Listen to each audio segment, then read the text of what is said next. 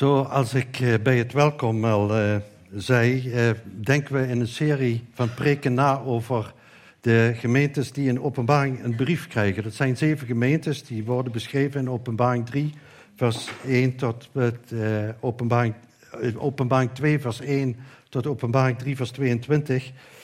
En de lessen die we uit deze brieven willen leren, dat is welke bedreigingen zijn er nu en welke uitdagingen liggen er voor ons persoonlijk en als gemeente? Hoe in de tijd waarin we nu in leven, ik geloof dat eh, als je bekijkt, eh, ik luister nogal heel wat preken soms, en dan zie je dat eh, wat actueel is op dit moment, is toch wel het boek Openbaring. Ik, omdat vanaf 7 oktober natuurlijk heeft dat ermee te maken wat er in Israël gebeurde. En iedereen is daar echt van doordrongen dat we echt in die tijd leven waarin we echt eh, mogen uitzien naar de komst van de Heer Jezus.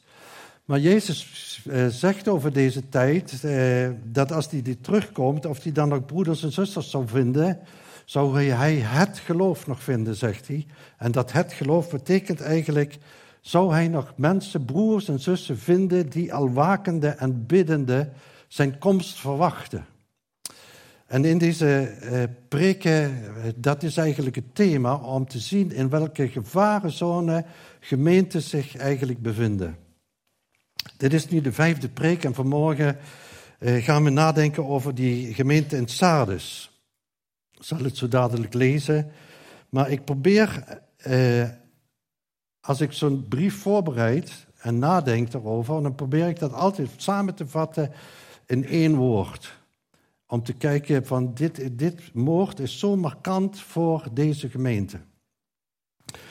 En we hebben gekeken naar de eerste brief die we hebben behandeld al enkele weken geleden. Dat was een brief aan de gemeente te Efeze. En samen, het samenvattende woord is eigenlijk liefde. Eigenlijk het eerste, de eerste liefde hadden ze verlaten. Dat kenmerkend voor deze gemeente was dat ze de eerste liefde hadden verlaten. De tweede brief was een brief van Smyrna. Die is eigenlijk samen te vatten met lijden, met lange ei. Volharden in het lijden. Dat is ook een van de twee gemeentes waar niks negatiefs over geschreven staat. Er staan van die zeven gemeentes zijn er maar twee die eigenlijk eh, eh, ja, alleen maar lof eigenlijk krijgen. Dat is de gemeente te Smyrna en de gemeente te Philadelphia, waar we volgende week over zullen spreken. Of de komende keer als ik voorga zal spreken. En dan heb je die brief eh, aan Pergamus, dat is de derde brief, die gaat over waarheid. Waarheid in het verborgene. Vorige week hebben we over Thyatira gesproken en daar ging het over heilig. Dat God heilig is. En vanmorgen, die brief van Sardes, die gaat over levend dood zijn. Best wel intensief. Best wel erg confronterend. En het is zo ontzettend belangrijk om te beseffen dat die brieven niet alleen voor toen die bestaande gemeentes geschreven zijn, maar dat dan natuurlijk al 2000 jaar uitgepredikt wordt uit het boek Openbaring. En eh, dat het gaat over plaatselijke gemeentes die toen waren, maar ik ben ervan overtuigd, want anders zou ik er niet over preken, dat dit ook echt een boodschap is voor de gemeentes die nu, zeg maar, in deze eindtijd zijn, in bijzonder. Maar dat ook deze brief een brief is voor ons persoonlijk, voor ons als gemeente. Het is een boodschap aan de kerken van alle tijden. Deze gemeente Tessades die heeft een reputatie, heeft een goede naam. Die zeven gemeentes die liggen eigenlijk allemaal in het nu, uh, het, uh, nu Turkije. Dat, en die hebben eigenlijk alle zeven liggen die op een redelijke afstand van elkaar. Het is een groep gemeentes in het nu, nu wat Turkije nu is. En die gemeente Tessades die had gewoon een goede reputatie. Dat zullen we ook lezen. Ze hebben naam gemaakt. Maar Jezus kijkt er dwars doorheen. Het is schijn, schijnheilig. Maar, het zijn ook echte, maar er zijn ook echte gelovigen in deze gemeente en die worden bemoedigd. En ik wil met u lezen Openbaring 3, vers 1 tot en met 6. En schrijf aan de engel van de gemeente in Sardis. Dit zegt hij die de zeven geesten van God heeft en de zeven sterren.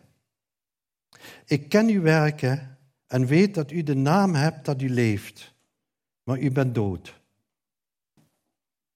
Wees waakzaam en versterk het overige dat dreigt te sterven, want ik heb uw werken niet vol bevonden voor God.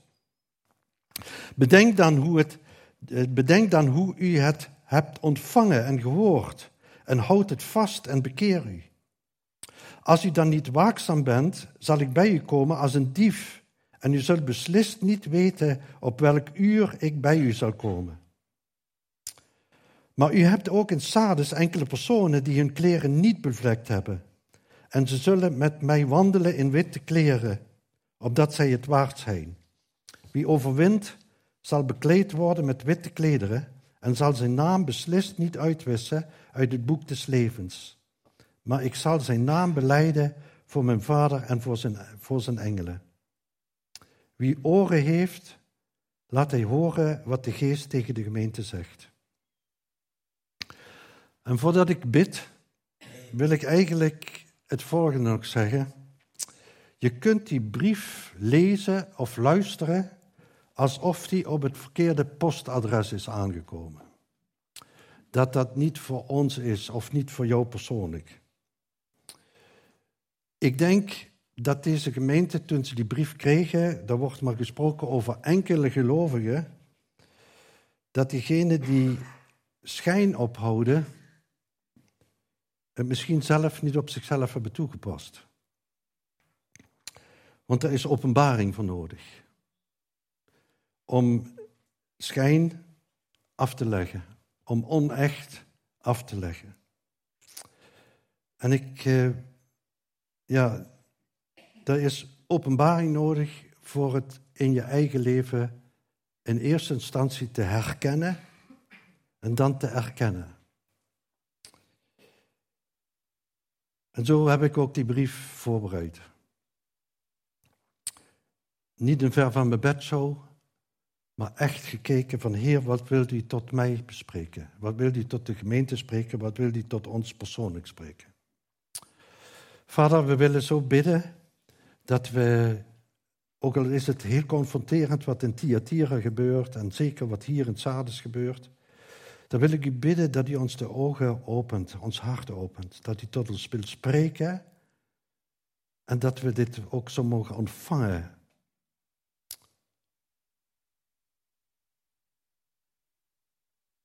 Ik heb uh, steeds echt uh, ja, gezocht, Heere God. Wat heeft dat nu voor ons te betekenen? Voor deze tijd, voor de gemeentes in deze tijd. En ik wil u bidden dat u ons echt zegent met uw openbaring. Dat u met uw Heilige Geest in ons midden komt en dat we echt mogen ervaren dat u spreekt en dat we daar een antwoord op mogen geven. En als het nodig is, bekering daarop zal volgen. We danken u dat u ook spreekt tegen de gelovigen in deze gemeente. En dat we u echt mogen verheerlijken in alles. In Jezus' naam, amen. Zoals ik al in die andere brieven ook dat behandeld heb, is het zo dat de Heer Jezus altijd zo'n brief begint. Er zit een bepaalde structuur in, in deze brieven. En die structuur komt steeds terug. En ook hier in deze brief is het zo dat de Heer Jezus zich eerst echt voorstelt. Heel specifiek. En hoe hij zich voorstelt, dat is eigenlijk eh, in, eh, in, openbaar, in hoofdstuk 1 heeft hij zich zo al aan, uh, aan uh, Johannes voorgesteld. En steeds als zo'n brief dan geschreven wordt en begint, dan grijpt de Heer Jezus terug op die openbaring en open, in het hoofdstuk 1 van openbaring, waarin hij zich ook al heeft voorgesteld. En dan is dat voorstellen naar die gemeente, heeft heel specifiek te maken met het probleem wat die gemeente heeft. Dat is heel apart. En heel bijzonder. En zo ook hier. Hier begint de Heer Jezus en zegt, dit zegt Hij die de zeven geesten van God heeft en de zeven sterren. In openbaring 1 vers 4 worden deze zeven geesten ook genoemd. Wie is dat, die zeven geesten? In Openbaring 5, vers 6, daar staat, en ik zag dat je, Johannes zegt, ik zag en ik zie te midden van de troon en van de vier dieren en te midden van de ouderlingen stond een lam als geslacht met zeven horens en zeven ogen. Dat zijn de zeven geesten van God die uitgezanden zijn over de hele aarde. En hier zie je eigenlijk eh, al de eerste aanwijzing dat het gaat over de Heilige Geest. Maar ik vond het ook heel bijzonder, als het daar staat dan van zeven geesten, dat eh, bijvoorbeeld in Jesaja 11, vers 2, dat eh, daar staat eh, een beschrijving van de Heilige Geest met vele namen. Er staat als eerste, op hem was de geest des Heren, dat is de eerste naam. De tweede naam is geest van wijsheid. De derde naam geest van inzicht. De vierde de geest van raad. De vijfde geest van sterkte. De zesde geest van kennis. En dan de zevende de geest van vrezen des Heren. Ik vond het heel typisch dat hier zeg maar zeven, eh, zeven kenmerken, zeven namen van de Heilige Geest eigenlijk wordt gegeven. En dan zie je, eh, eh, als je daar verder over nadenkt, dan zijn die zeven gods is een beschrijving van de volheid van de Heilige Geest die op Jezus rust. Dat getal zeven, dat heeft ook te maken met volheid. Het getal zeven in de Bijbel heeft altijd te maken met volheid. Zoals bijvoorbeeld eh, een week heeft zeven dagen. Een week is vol. Als we het hebben over de achtste dag, hebben we het over de eerste dag van de volgende week. Er is bijvoorbeeld eh, de schepping van hemel en aarde heeft plaatsgevonden in zeven dagen. In het verbond wordt gerekend met zeven dagen of zeven weken. Of het zevende jaar was een sabbatsjaar waarin slaven werden vrijgelaten. En zeven keer zeven was het, daarop volgde een jubeljaar. En in de tempel, zoals we weten, stond een zevenarmige kandelaar.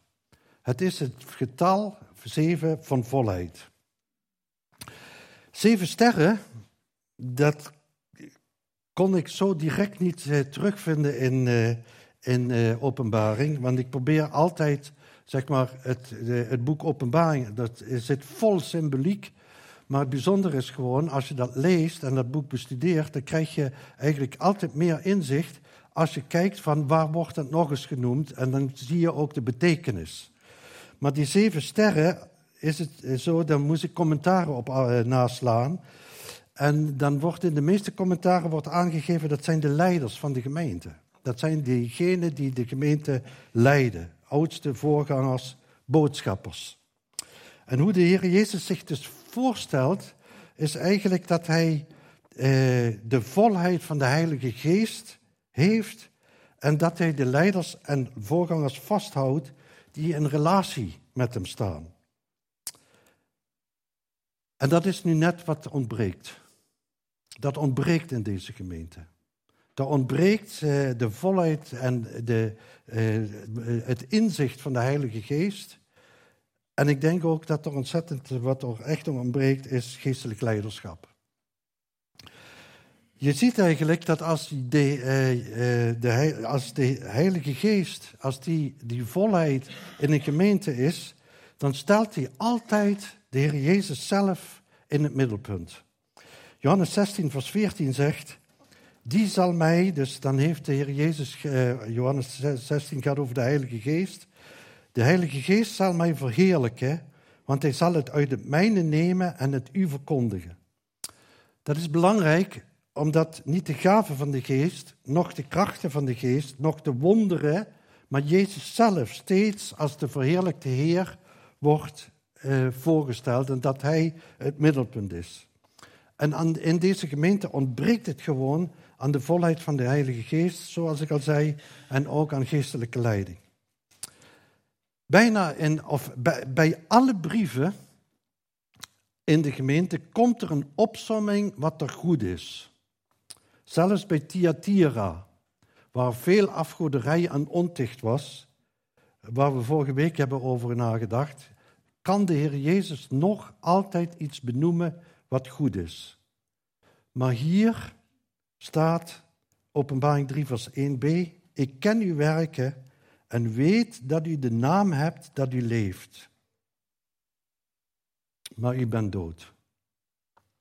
Dat zegt degene die de zeven geesten, de volheid van de geest heeft en de leiding van de gemeente in zijn handen draagt. U bent dood. Deze gemeente had een enorme, geweldige reputatie. Die was bekend bij de andere zes gemeentes. En hier is ook geen sprake van dwaalleer.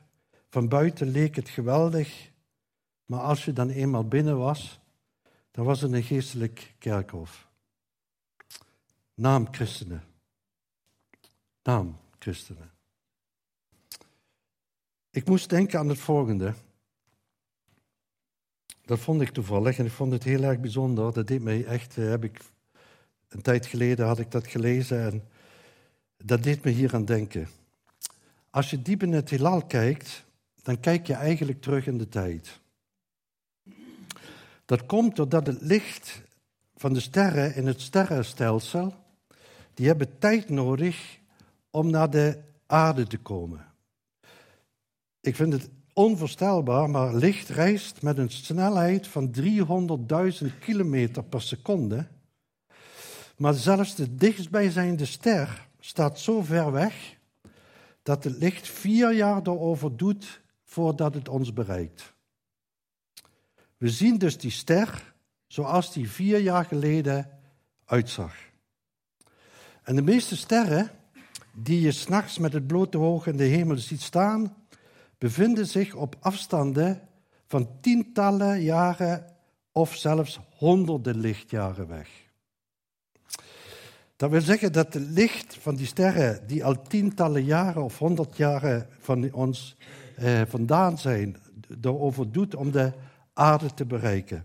Zo las ik dat een rode reuzenster Betelgeuse in het sterrenbelt Orion bevindt zich op een afstand, moet je je voorstellen, die bevindt zich op een afstand van 600 lichtjaren. Dus dat licht, dat licht van die ster heeft er 600 jaar over gedaan om die afstand tussen de ster en de aarde te overbruggen. En dat licht wat we dus nu zien, is in de middeleeuwen uitgezonden.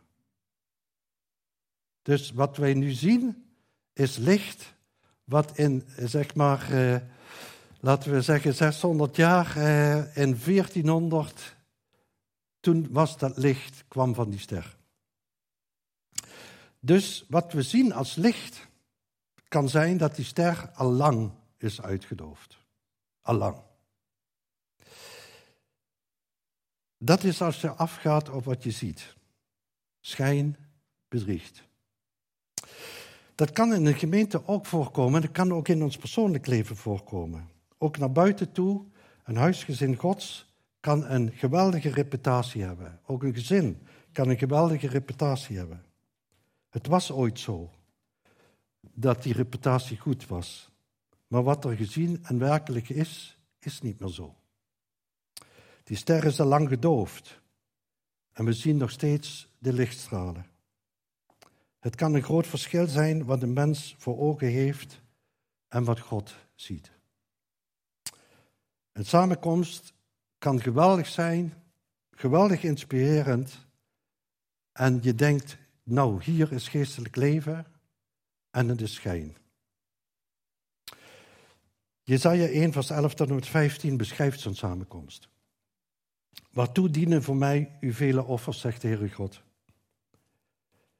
Ik heb genoeg van de brandoffers van rammen en van het vet van het gemeste vee. En in het bloed van jonge stieren, lammeren of bokken vind ik geen vreugde. Wanneer u komt om voor mijn aangezicht te verschijnen, wie heeft dit van u gevraagd? Dit platlopen van mijn voorhoven. Breng niet langer nutteloze offers. Het reukwerk is mij een gruwel. Nieuwe maandsdagen en sabbat, het bijeenroepen van samenkomsten ik verdraag het niet. Het is onrecht. Zelfs die bijzondere samenkomsten. Uw nieuwe maansdagen, uw feestdagen haat ik met heel mijn ziel. Ze zijn me tot last. Ik ben het moe om ze te dragen. En wanneer u uw handen uitspreidt, verberg ik mijn ogen voor u. Ook wanneer u uw gebed vermeerdert, luister ik niet. Uw handen zitten vol bloed.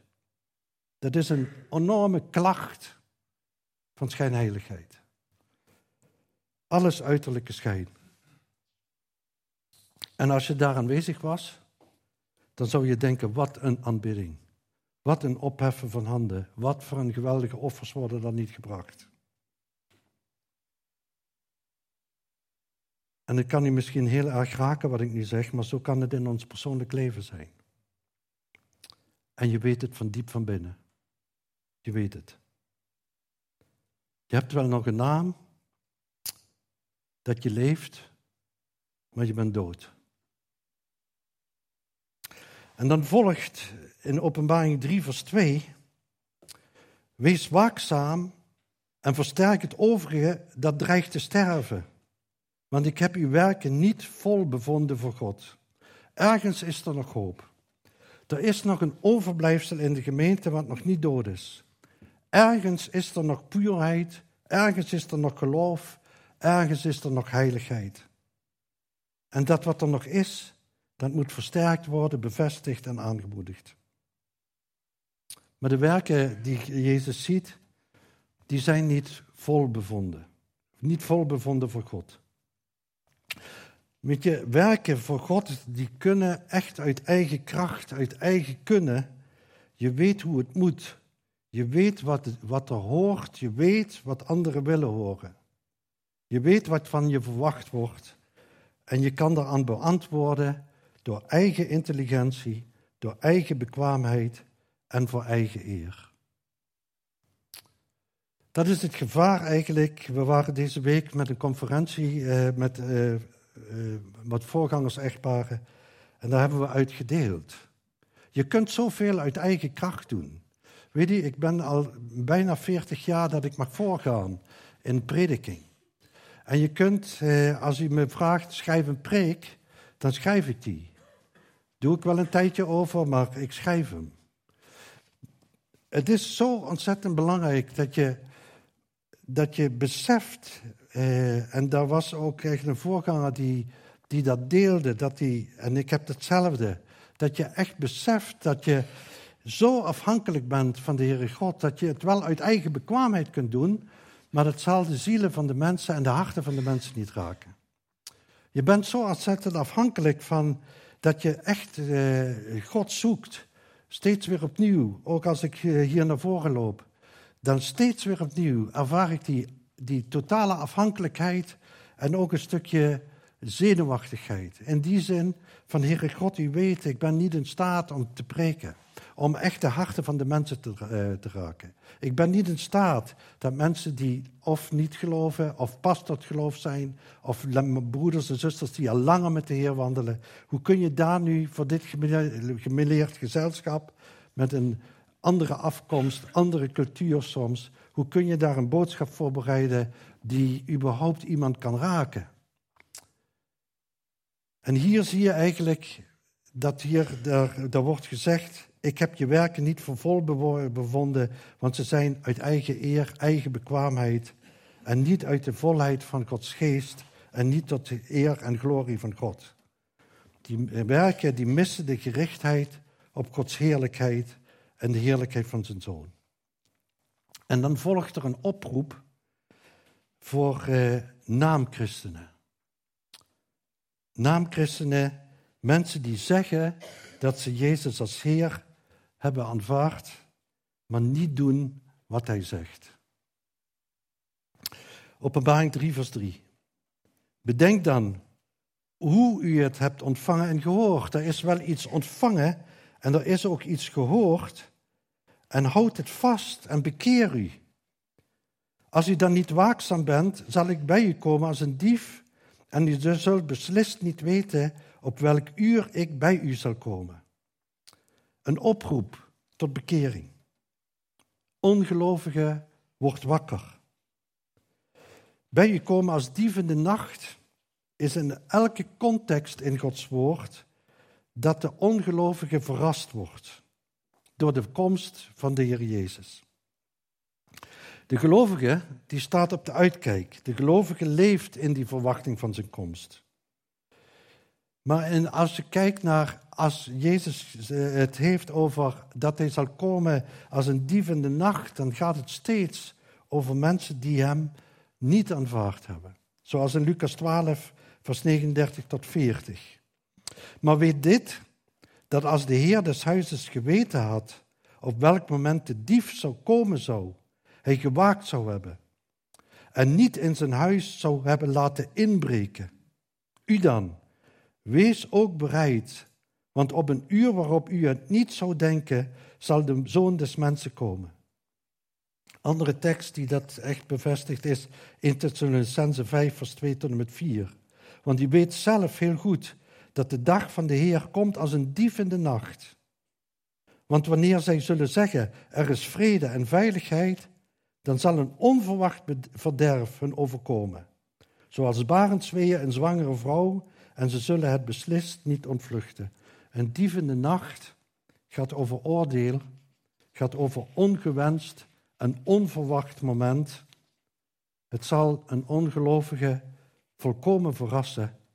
Een onverwacht verderf staat er, verwoesting. Eigenlijk is het een ramp.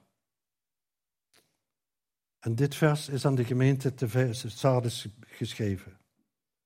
Met een oproep naar diegenen die de schijn ophouden zich te bekeren. In de bergreden heeft Jezus ook aan over wie hij het heeft.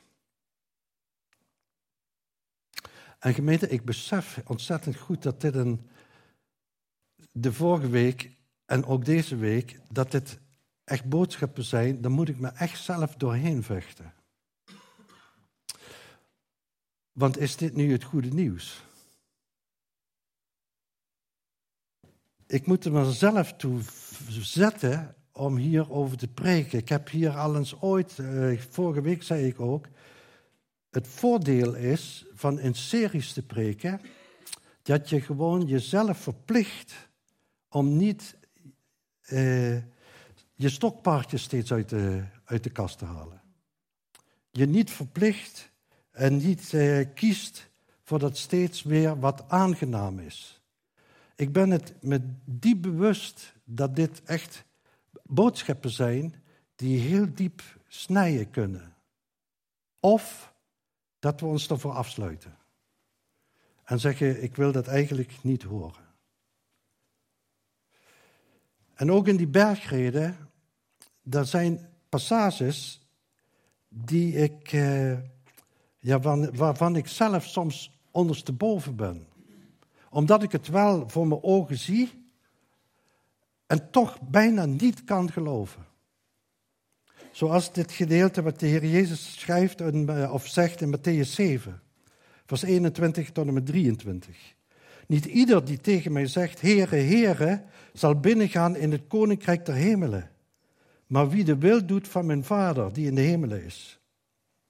Velen zullen op die dag tegen mij zeggen: Heere, Heere, hebben wij niet in uw naam geprofeteerd en in uw naam demonen uitgedreven en in uw naam veel krachten gedaan? En dan komt het, dan zal ik hun openlijk zeggen: Ik heb u nooit gekend. Ga weg van mij, u die de wetteloosheid werkt. Een beleidenis moet komen vanuit het hart van berouw. Een bekering die daarop volgt, is te zien uit de vrucht van het leven. Alleen een beleidenis zonder verandering in de gezindheid is geen wedergeboorte. Ook al, en dat is zo schokkend, ook al gaat dat gepaard met profiteren, uitdrijven van demonen en het werken van krachten. Maar om in deze dienst, eh, in deze bewoording te blijven, ze hebben niet, worden niet vol bevonden in de bewoording zoals dat in het hoofdstuk beschreven staat. Jezus zegt, ik ken u niet. En dat is het gevolg. Ik ben me zo bewust dat het in ons leven er niet om gaat dat wij Jezus kennen. De vraag is, kent Hij mij? Kent hij jou? Kent hij jou vanuit die vertrouwelijke omgang die je met hem hebt? En in hetzelfde hoofdstuk, Matthäus 7, spreekt Jezus over de gelijkenis van iemand die een huis bouwt op zand en de ander op, op de rots. En hier gaat het ook over gelovig en schijngelovig. Soms hoor ik uitleggingen over deze gelijkenissen dat er twee soorten gelovigen zijn. Een vleeselijke en een geestelijke gelovige. Maar daar gaat het hier echt niet om. Het gaat hier over een gelovige en een ongelovige. Beide huizen zien er namelijk van hetzelfde uit, zijn stevig, even mooi, alleen de storm maakt het verschil.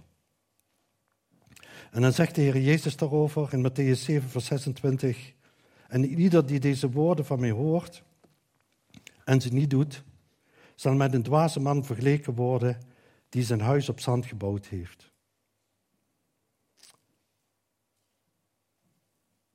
Want dan komen we in een passage in Openbaring 3, waar de Heer Jezus tot de gelovigen spreekt.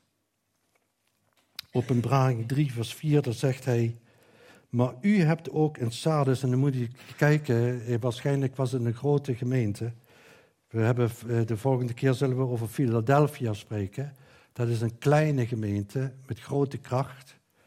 Hier is een krachteloze gemeente, want er staat dan, maar u hebt ook in Sardes enkele, dat zijn maar weinige. Enkele personen die, die hun kleren niet bevlekt hebben en ze zullen met mij wandelen in witte klederen omdat zij het waard zijn. Er zijn nog enkele. Merendeel heeft een geweldige reputatie en is dood. Maar hier zijn enkele gelovigen die de witte klederen dragen en waard zijn. Wandelen met Jezus heeft eigenlijk te maken met een diepe gemeenschap, een vertrouwelijke omgang met Hem. Witte klederen spreken over heiligheid, over reinheid, over een vertrouwelijke omgang met Jezus. En dan komt die indrukwekkende belofte aan diegene, aan die enkeling, aan die enkele. Wie overwint, zal bekleed worden met witte klederen. En ik zal zijn naam beslist niet uitwissen uit het boek des levens maar ik zal zijn naam beleiden voor mijn vader en voor zijn engelen. Beslist niet uitwissen. Er is een boek waarin de gelovigen genoteerd staan. Openbaring 17, vers 8 spreekt erover dat er mensen zijn die hier niet ingeschreven staan. Openbaring 20, vers 12 spreekt over de mensen, broeders en zusters, die hier ingeschreven staan. Openbaring 20, vers 12, daar staat: En ik zag de doden klein en groot voor God staan. En, het boek, en de boeken werden geopend. En nog een ander boek werd geopend, namelijk het boek des levens. Ja, in die tijd had je een bevolkingsregister. En als je ter dood werd veroordeeld, werd je daar uitgewist. In dit boek, als die naam erin staat, zult die nooit uitgewist worden. Nooit. Dat is een hele bijzondere belofte. En Jezus doet wel beloftes. En de vraag is natuurlijk altijd: kan hij die belofte waarmaken? Want soms kunnen mensen een belofte geven en kan die, kan die belofte dan waargemaakt worden. Want als je een belofte hebt en die wil je waarmaken, dan zul je alwetend moeten zijn, almachtig moeten zijn en soeverein. En dat komt in openbaringen nu helemaal tot uiting. Dat hij alwetend is, almachtig is en absoluut soeverein. En als er dan staat dat niemand je uit dat boek zal wissen, staat hij daar garant voor. In zijn alwetendheid, in zijn almacht en in zijn soevereiniteit. En dan staat er zo bijzonder dat hij de, de naam van ons zal beleiden, als in het boek staat, dat hij, zijn, dat hij zijn naam zal beleiden voor zijn vader en voor zijn engelen. Wat een ontroerend beleidenis is dat toch. Dat je Je moet je dat voorstellen dat je voor de troon van God staat en hij beleidt jouw naam uit het boek ingeschreven. Hij beleidt je naam voor de Vader en voor zijn engelen. Een groot voorrecht, een diepe troost. Ik vind het schitterend dat in al die brieven, ook in Thyatira, er wordt specifiek eigenlijk iets geschreven voor diegenen die Christus echt verloochenen. En specifiek iets geschreven voor diegenen die hem hebben aangenomen als Heer en Verlosser. En ook doen wat hij zegt. Dat is het verschil. En dat is zo indrukwekkend.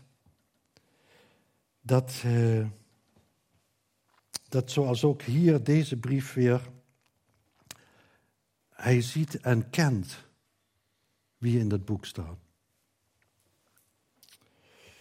Zoals elke brief sluit deze brief ook weer af met het volgende. Wie oren heeft, laat hij horen wat de geest tegen de gemeente zegt. Wat heb je gehoord? En luister je wel. Wat heb je gehoord?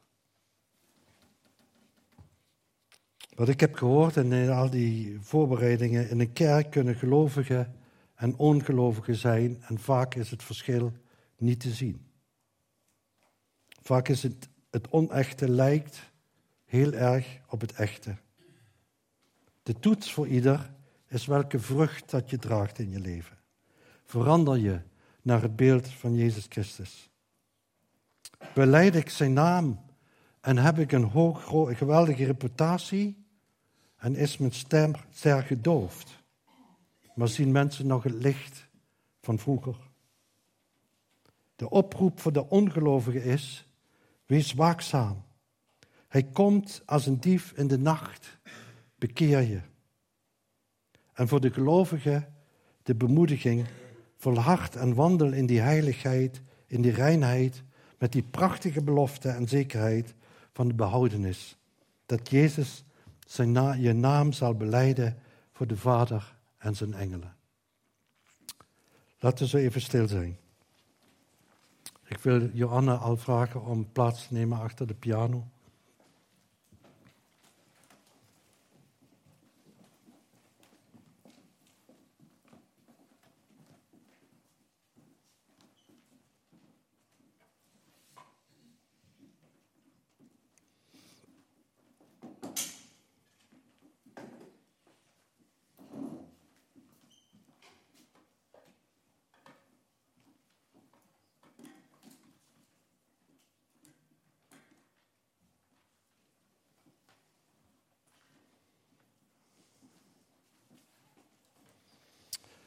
Vader, eh, ik besef zo al de hele week als ik met deze boodschap zo aan het, aan me aan het voorbereiden ben.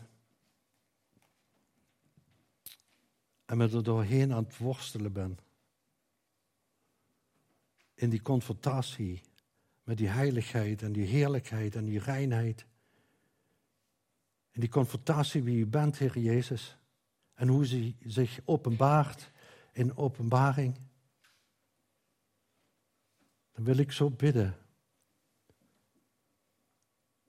Dat u onze harten echt bedouwt en als er schijnheiligheid is, onechtheid is, dat u dit ontmaskert om te zegenen. Heer, u wilt reinheid en heiligheid en echtheid. Om één reden. En dat is om genade, barmachtigheid en vergeving te geven. U wilt in ons leven werken om tot die waarheid in het verborgene te komen. Om uw genade te tonen. Uw liefde. Dat die ons bereiken kan. Dat we dat kunnen ontvangen.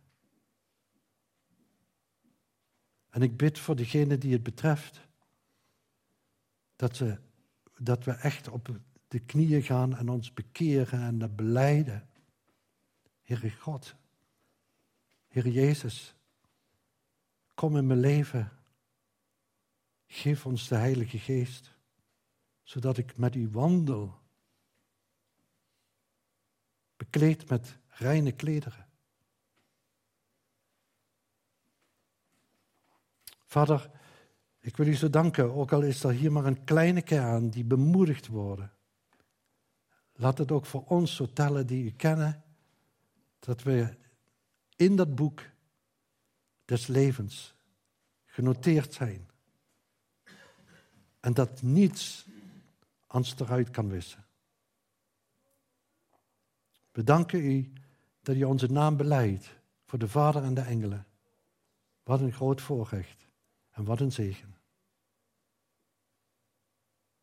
In Jezus' naam. Amen.